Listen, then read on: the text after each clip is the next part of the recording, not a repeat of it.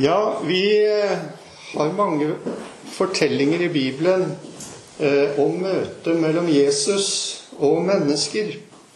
Og eh, i kveld så skal vi få eh, høre et slikt. Og det står i Markusevangeliet, i det tiende kapitlet, fra vers 17. Men vi skal be sammen først igjen. Kjære Jesus. Takk at vi også kan få oppleve at du taler til oss, at du møter oss. At dette som vi leser, er ditt ord. Og nå ber vi om at du gir oss å høre det du taler, og se det du åpenbarer. Amen. Markus 10 og fra vers 17. Og da han gikk ut på veien, kom en løpende og falt på kne for ham og spurte ham, Gode mester, hva skal jeg gjøre for å arve evig liv? Men Jesus sa til ham, Hvorfor kaller du meg god? Ingen er god uten én, det er Gud. Budene kjenner du. Du skal ikke slå i hjel. Du skal ikke drive hor. Du skal ikke stjele. Du skal ikke vitne falskt. Du skal ikke bedra noen. Hedre din far og din mor. Han sa til ham, Mester, alt dette har jeg holdt fra jeg var ung. Da så Jesus på han og fikk han kjær, og han sa til ham, Én ting mangler du. Gå bort og selg alt du eier, og gi det til de fattige. Så skal du få en skatt i himmelen. Kom så og følg meg.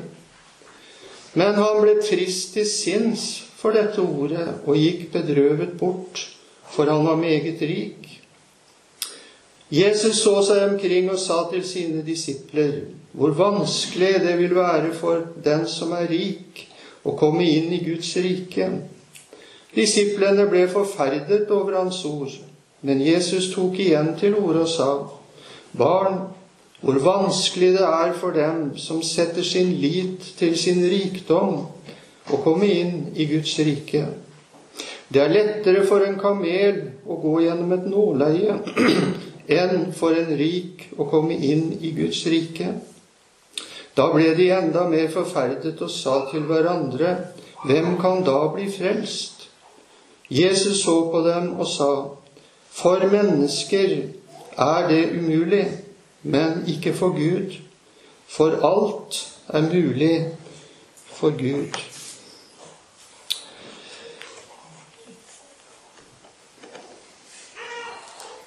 Hva skal jeg gjøre for å arve evig liv? Og hva skal vi gjøre?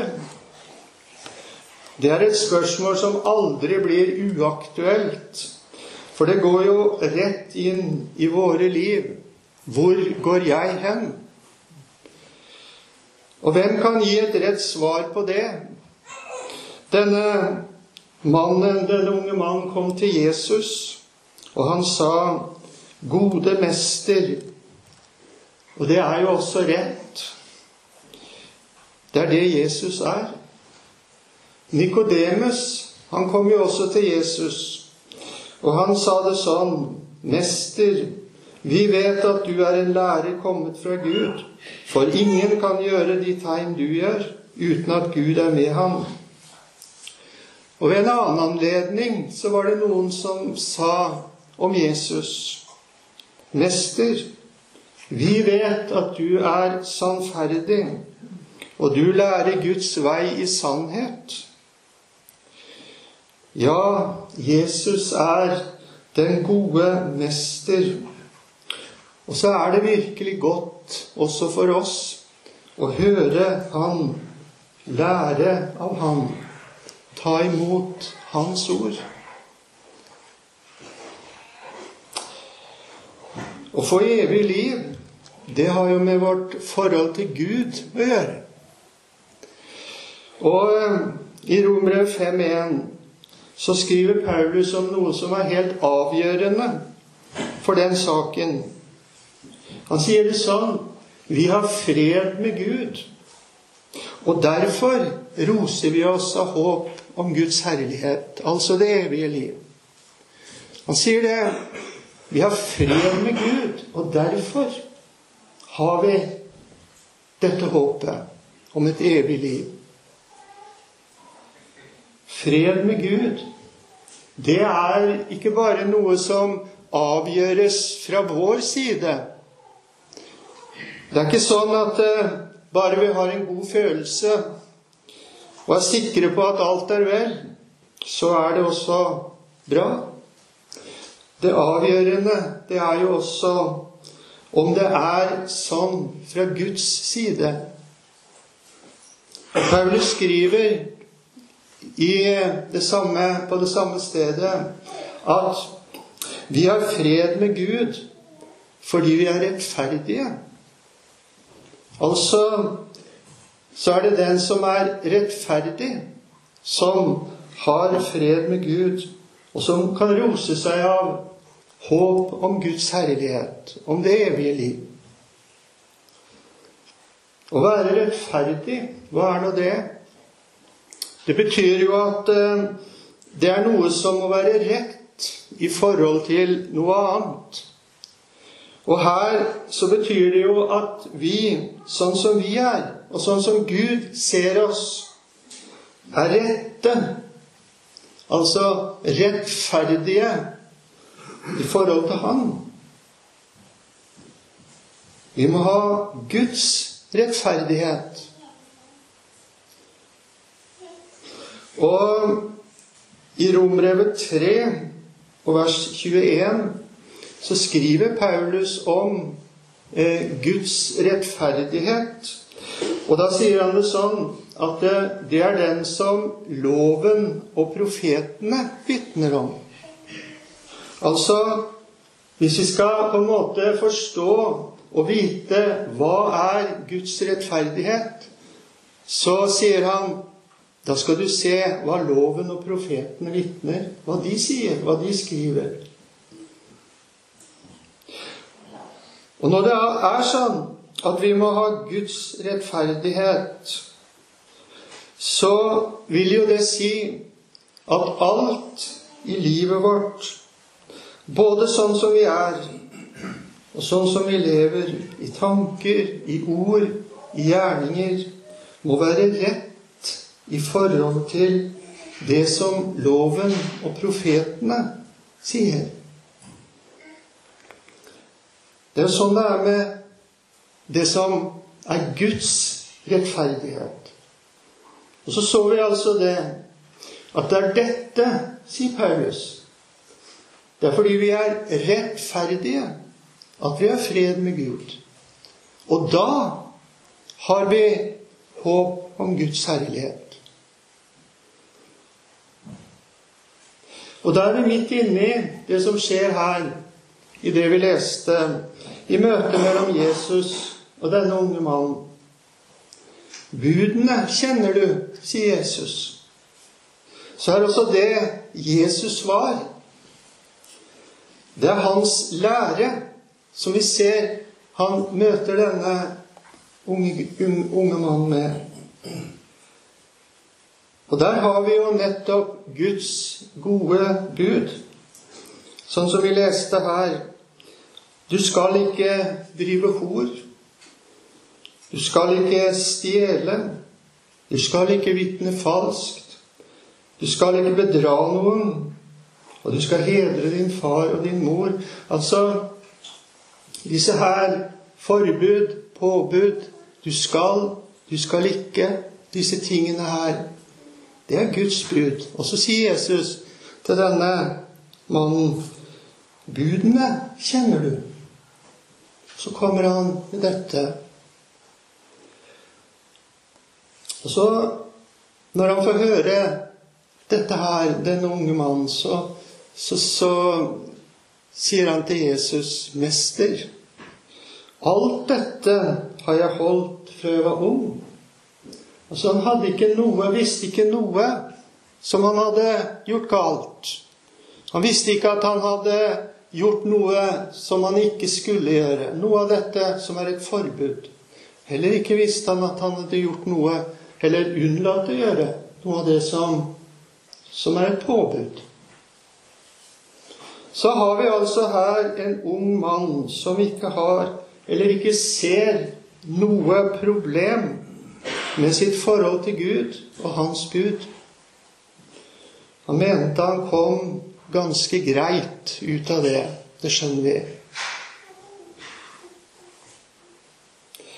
Jeg tror de fleste i vår tid er i akkurat samme situasjon.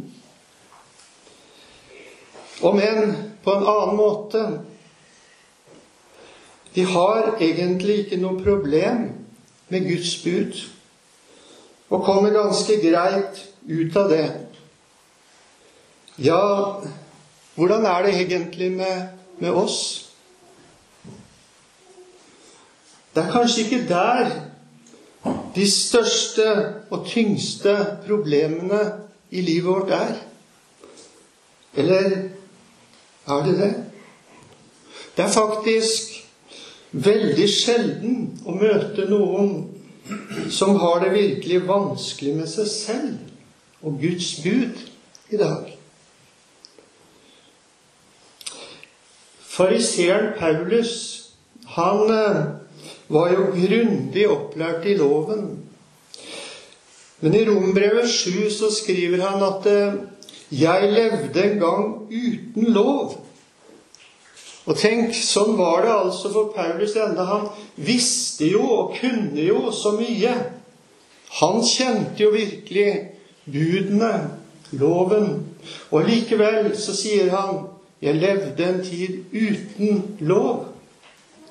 Og sånn var det også med denne unge mannen. Fordi loven var egentlig død i livet hans. Den var uten virkning. For han var helt ukjent med hvordan han brøt budene og synda mot Gud.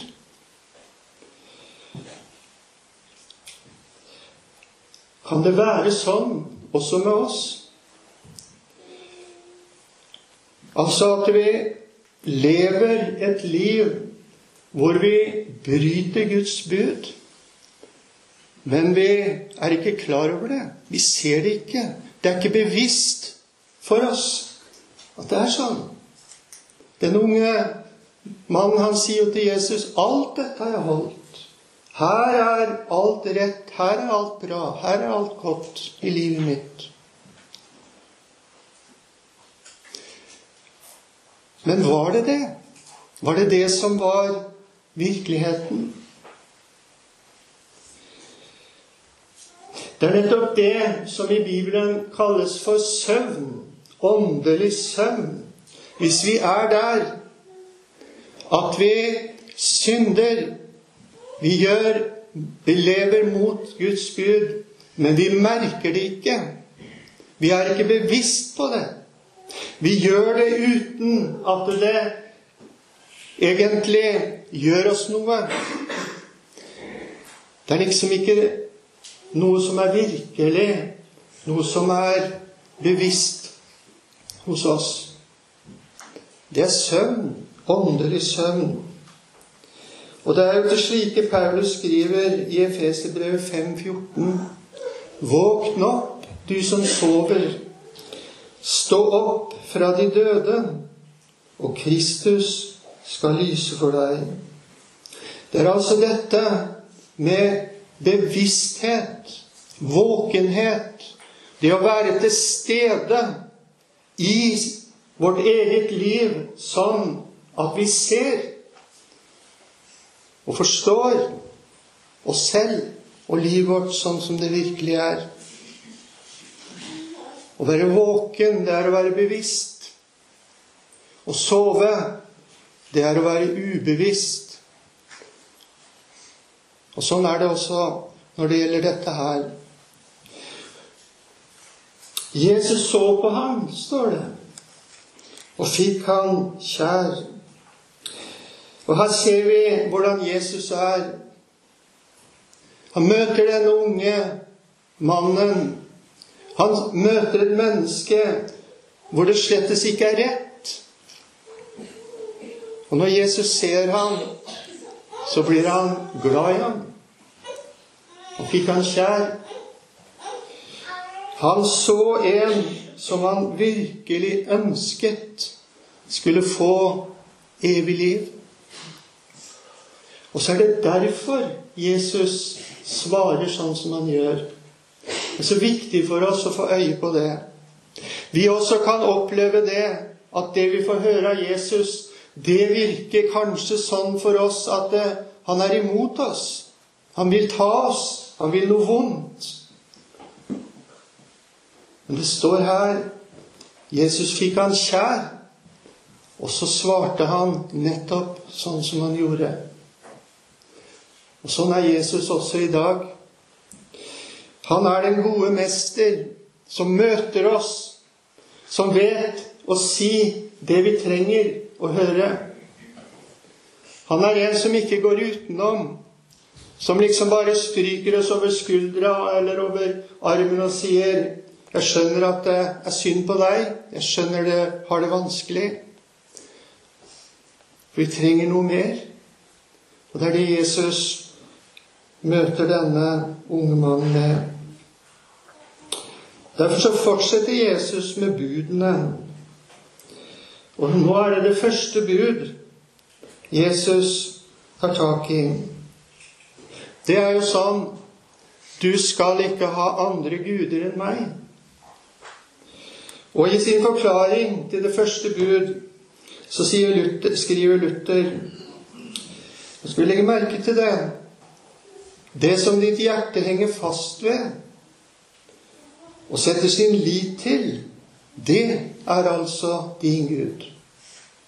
Det som ditt hjerte henger fast ved, det, det handler jo om noe vi er glad i. Men det handler jo også om dette med noe vi stoler på, noe vi setter vår lit til.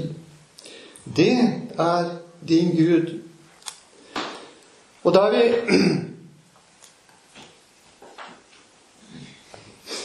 Og så er det dette her som Jesus gjør aktuelt for denne når han sier én ting mangler du.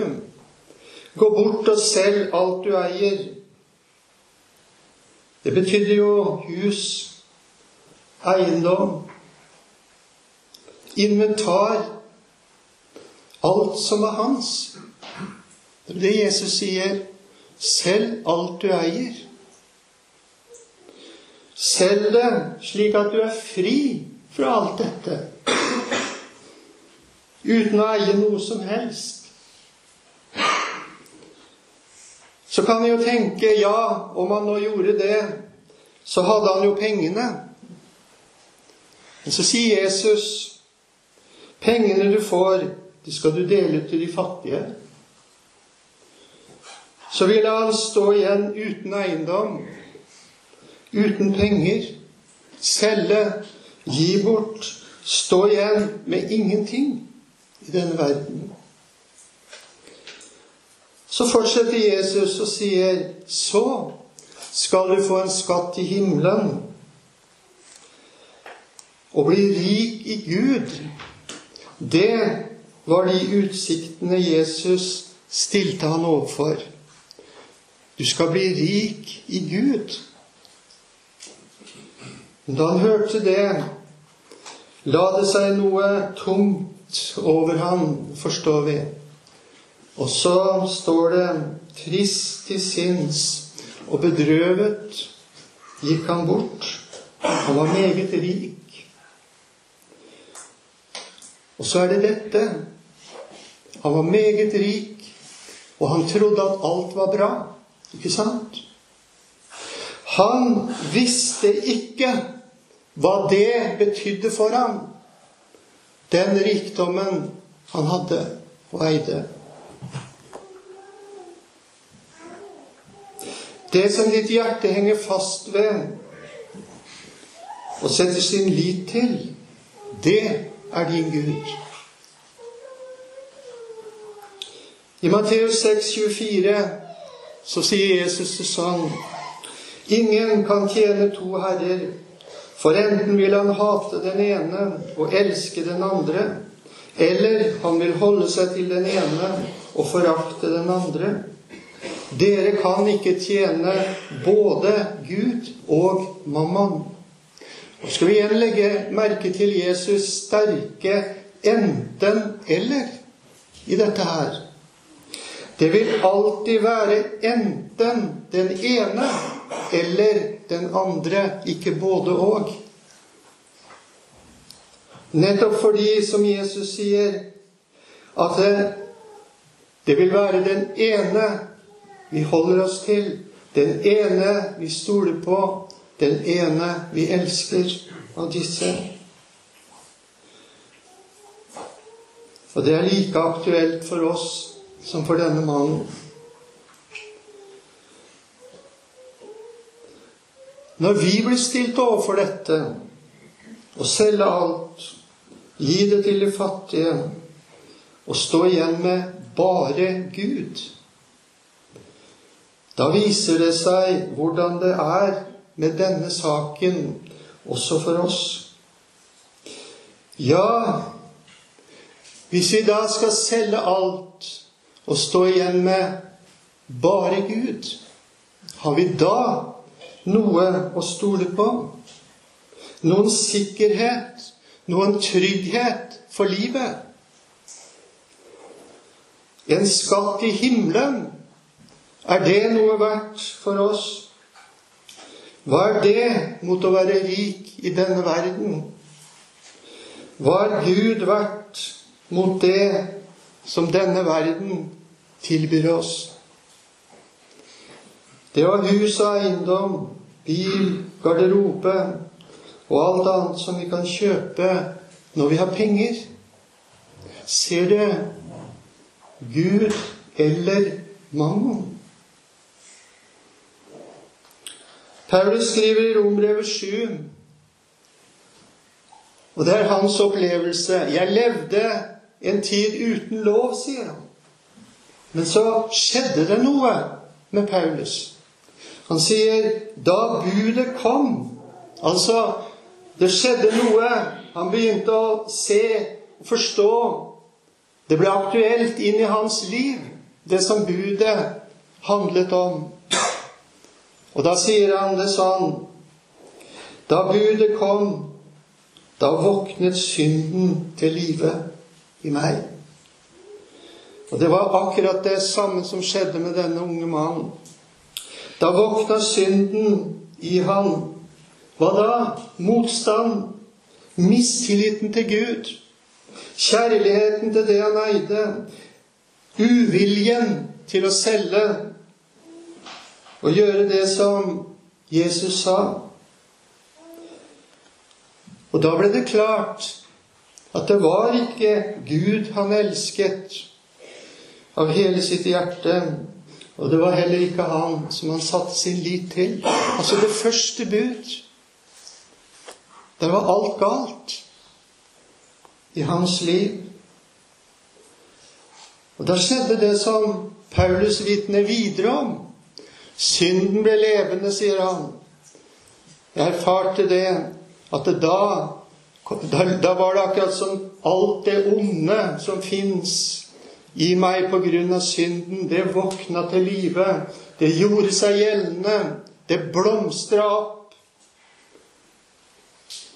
Og så sier han videre Jeg derimot døde. Det vil altså si da ble alt håp om egen rettferdighet fullstendig slukt for Paulus. Han som trodde han kunne leve ved loven, han opplevde 'jeg dør'. Jeg går til grunne. Jeg er fortapt. Og det viste seg at budet som skulle være til liv, ble til død for meg. Denne unge mannen han gikk bedrøva bort fra Jesus da Jesus aktualiserte det første bud inn i hans liv. Og så er det sånn den som bryter det første bud, er ikke rettferdig for Gud. Det må vi huske på. Den som bryter det første bud, er ikke rettferdig for Gud.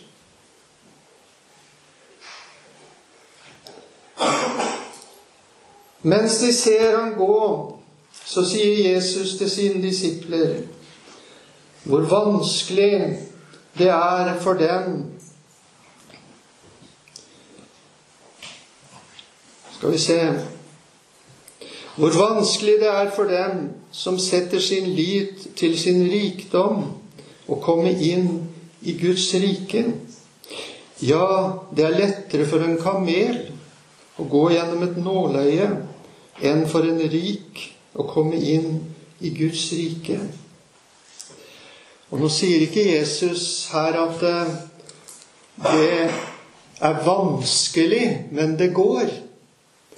Men Jesus sier jo det er umulig. Ikke sant? Det er helt umulig å få en kamel gjennom et nåløye. Det skjønner vi alle. Og enda til så sier jo Jesus her at han skal gå gjennom nåløyet. Så det Jesus sier, det er umulig. Så kom det på, som et sjokk på disiplene, skjønner vi dette her, at de som er rike, er i en særdeles alvorlig situasjon. Det som vi mennesker ser på som en stor fordel og en lykke i livet, ikke sant? De som vinner millioner i Lotto, de er jo så heldige, ikke sant? Ja, de er virkelig lykkelige. Alle liksom tenker 'Å, om det kunne være meg'. Men så sier altså Jesus rikdommen er en ulykke for alle som setter sin lit til den. Og hvem gjør ikke det? Hvem gjør ikke det? Hvem kan da bli frelst? sier disiplene. Vi får være vitne til denne unge mannens reaksjon. Hvordan reagerer vi? Selge alt, gi det til de fattige. La Jesus Eller vi kan tenke La Jesus bestemme over det vi eier.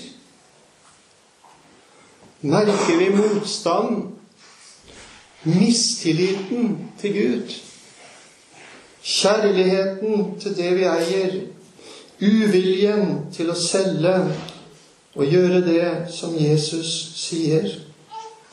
Ja, merker du lysten til å snu det døve øret til? Og ikke høre på en som taler sånn? Han gikk, gikk bort fra budet og fra Jesus. Han gikk til sin rikdom. Han gikk, men han solgte ikke. Og han kom ikke igjen til Jesus om det som står her, er enden på hans historie. Så får vi vite hvordan det gikk han i Jesu fortelling om den rike mann og Lasarus i Lukas 16. Det var en rik mann som kledde seg i purpur og fineste lin, og som levde hver dag i herlighet og glede. Så skjedde det at den rike døde og ble begravet. Han fikk en flott begravelse. Og da han slo sine øyne opp i dødsriket, der han var i pine, står det videre Sånn går det med dem som setter sin lit til sin rikdom. Ja, hvem er det som kommer inn i Guds rike og får evig liv? Det er de som ikke går bort fra Jesus, bort fra Hans ord, fra budet, men som kommer til Han, og som omvender seg Denne unge mannen, han gikk der hvor Jesus sier 'kom'. Forstår du det? Han gikk der hvor Jesus sier 'kom'. Jeg husker da jeg reiste som predikant i Misjonssambandet på 70-tallet. Det er lenge siden. Da var det en som hadde formulert en sånn setning som gikk igjen og igjen. Kom som du er, men gå ikke som du kom. Det var det han gjorde. Han kom som han var, men han gikk som han kom. I apostelgjerningen 26,20 så leser vi hva Paulus forkynte. Han sier det sånn at de skal fatte et annet sinn og omvende dere til Gud. Og det betyr for det første å gi Gud rett i våre synder. Og i stedet for å stå Han imot, i stedet for å gå, så vende om og bekjenne. Bekjenne det som er sant. Da må vi bekjenne kjærligheten og tilliten til det vi eier.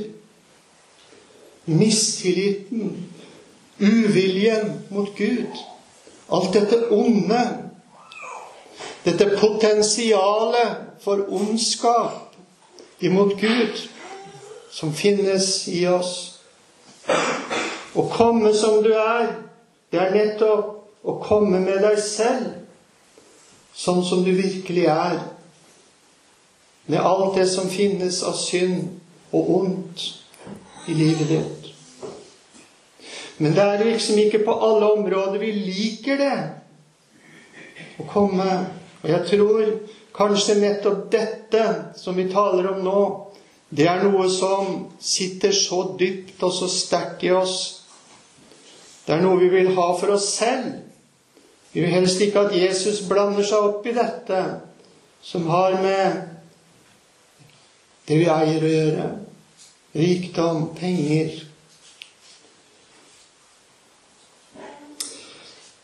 Men så er det altså sånn Når vi ikke går men hører på Jesus, tar imot Hans ord, gir Han rett, som vi hørte også Olav sa her. Gjør vi det, da får ord som synd og skyld mening. Da blir det virkelighet for oss. Og at det som står i Rombrevet 3, 19 og 20, at det er sant. Det er noe vi kan skrive under på.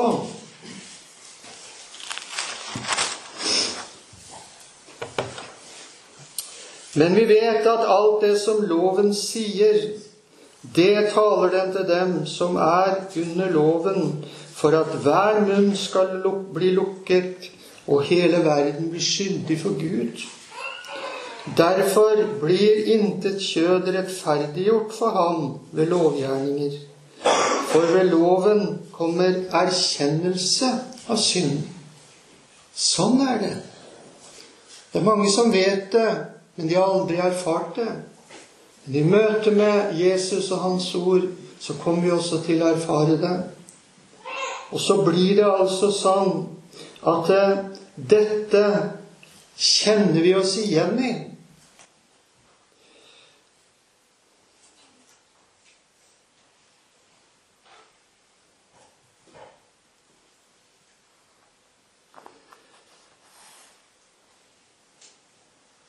Uten loven og uten å kjenne Guds rettferdighet, så blir ikke evangeliet relevant for oss.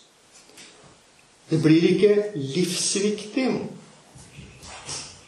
Den eneste muligheten for oss, sånn som det virkelig er. For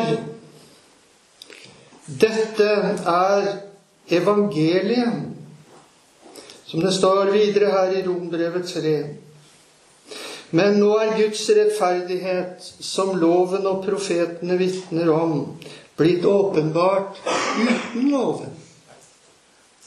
Her, her kommer det altså noe nytt som denne rike unge mannen ikke fikk høre, for han gikk. Så står det da virkelig her at Guds rettferdighet, som loven og profetene vitner om, den er åpenbart uten loven. På en annen måte, altså. For oss. Det er Guds rettferdighet ved tro på Jesus Kristus til alle og over alle som tror. Guds rettferdighet er oppnåelig til stede for oss uten loven, altså uten vår oppfyllelse. Det er det umulige som Gud har gjort mulig for oss ved en stedfortreder i Jesus. Det er ved hans død og oppstandelse. Jeg syns det er så fint å tenke sånn. Altså, her har vi Jesus, stedfortrederen, han som Gud satte inn i ditt og mitt sted. Virkelig, reelt. Han som led og døde, ble begravet og sto opp igjen. Og vet du, det er nåløyet som Gud gjorde slik at vi også kan komme igjennom. Guds rike er på den andre siden av nåløyet. Hvordan skal vi komme dit? Det er én mulighet. Det er gjennom Jesu død og grav og oppstandelse. Gjennom Han og ved Han. Han tar oss med gjennom døden til oppstandelsen i Guds rike på den andre siden. Det som er umulig for mennesker, sier Jesus, det er ikke umulig for Gud. For alt er mulig for Gud.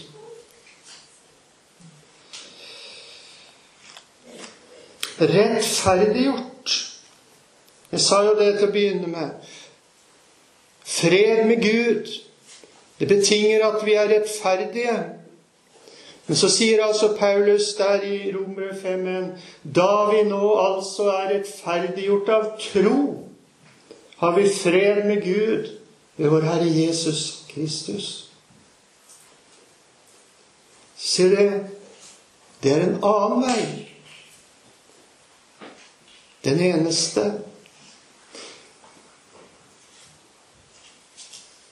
Det er Jesus for oss uten våre gjerninger, ved tro på Jesus.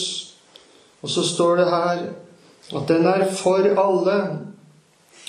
Eh, ingen er utenom. Ingen er diskvalifisert. For alle.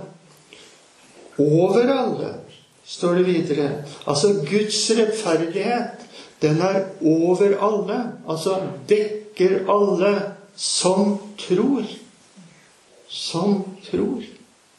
Og da er det jo nettopp det som eh, Paulus også skriver om her i kapittel 4 og vers 6.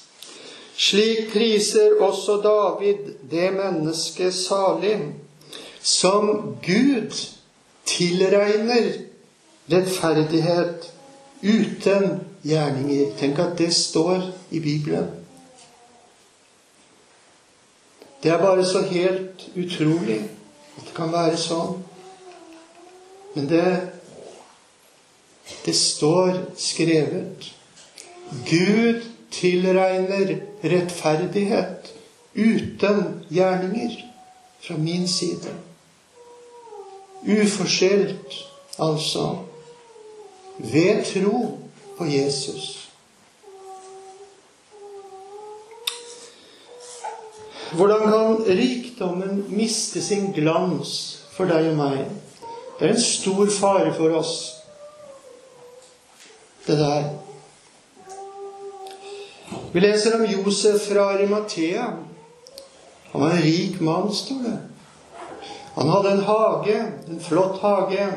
Han hadde til og med en klippegrav som han hadde sørget for å ordne for seg selv. Det er bare rike som kan ordne slike ting. Men hva skjedde med han da han kom til Jesus og fikk tro på han? Rikdommen som ga han eiendom, klippegrav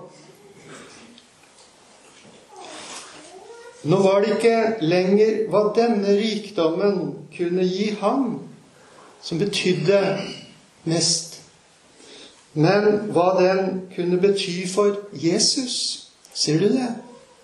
Denne rike Josef, han stiller med glede graven sin til disposisjon for Jesus. Sånn var det blitt for ham.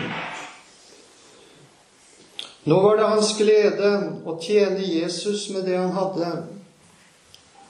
Og så møter vi så mange i Bibelen som har det akkurat på samme måte. Maria med denne kostbare nardussalva. Apostlene. Sakkeus. Den ene etter den andre.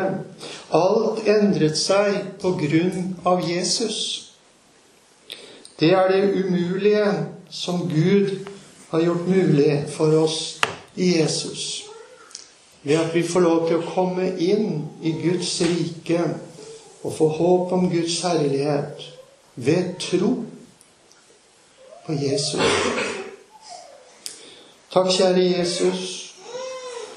Så ber jeg deg om at eh, ditt ord må få tale dypt til oss, sånn at eh, vi både får en sann erkjennelse av oss selv og hva som er synd og ondt i livet vårt. At vi må leve i lyset, i ditt lys, på en sånn måte at det blir til omvendelse og tilflukt til deg, og, og at det er troen på deg, Jesus, som er vår redning og vårt liv.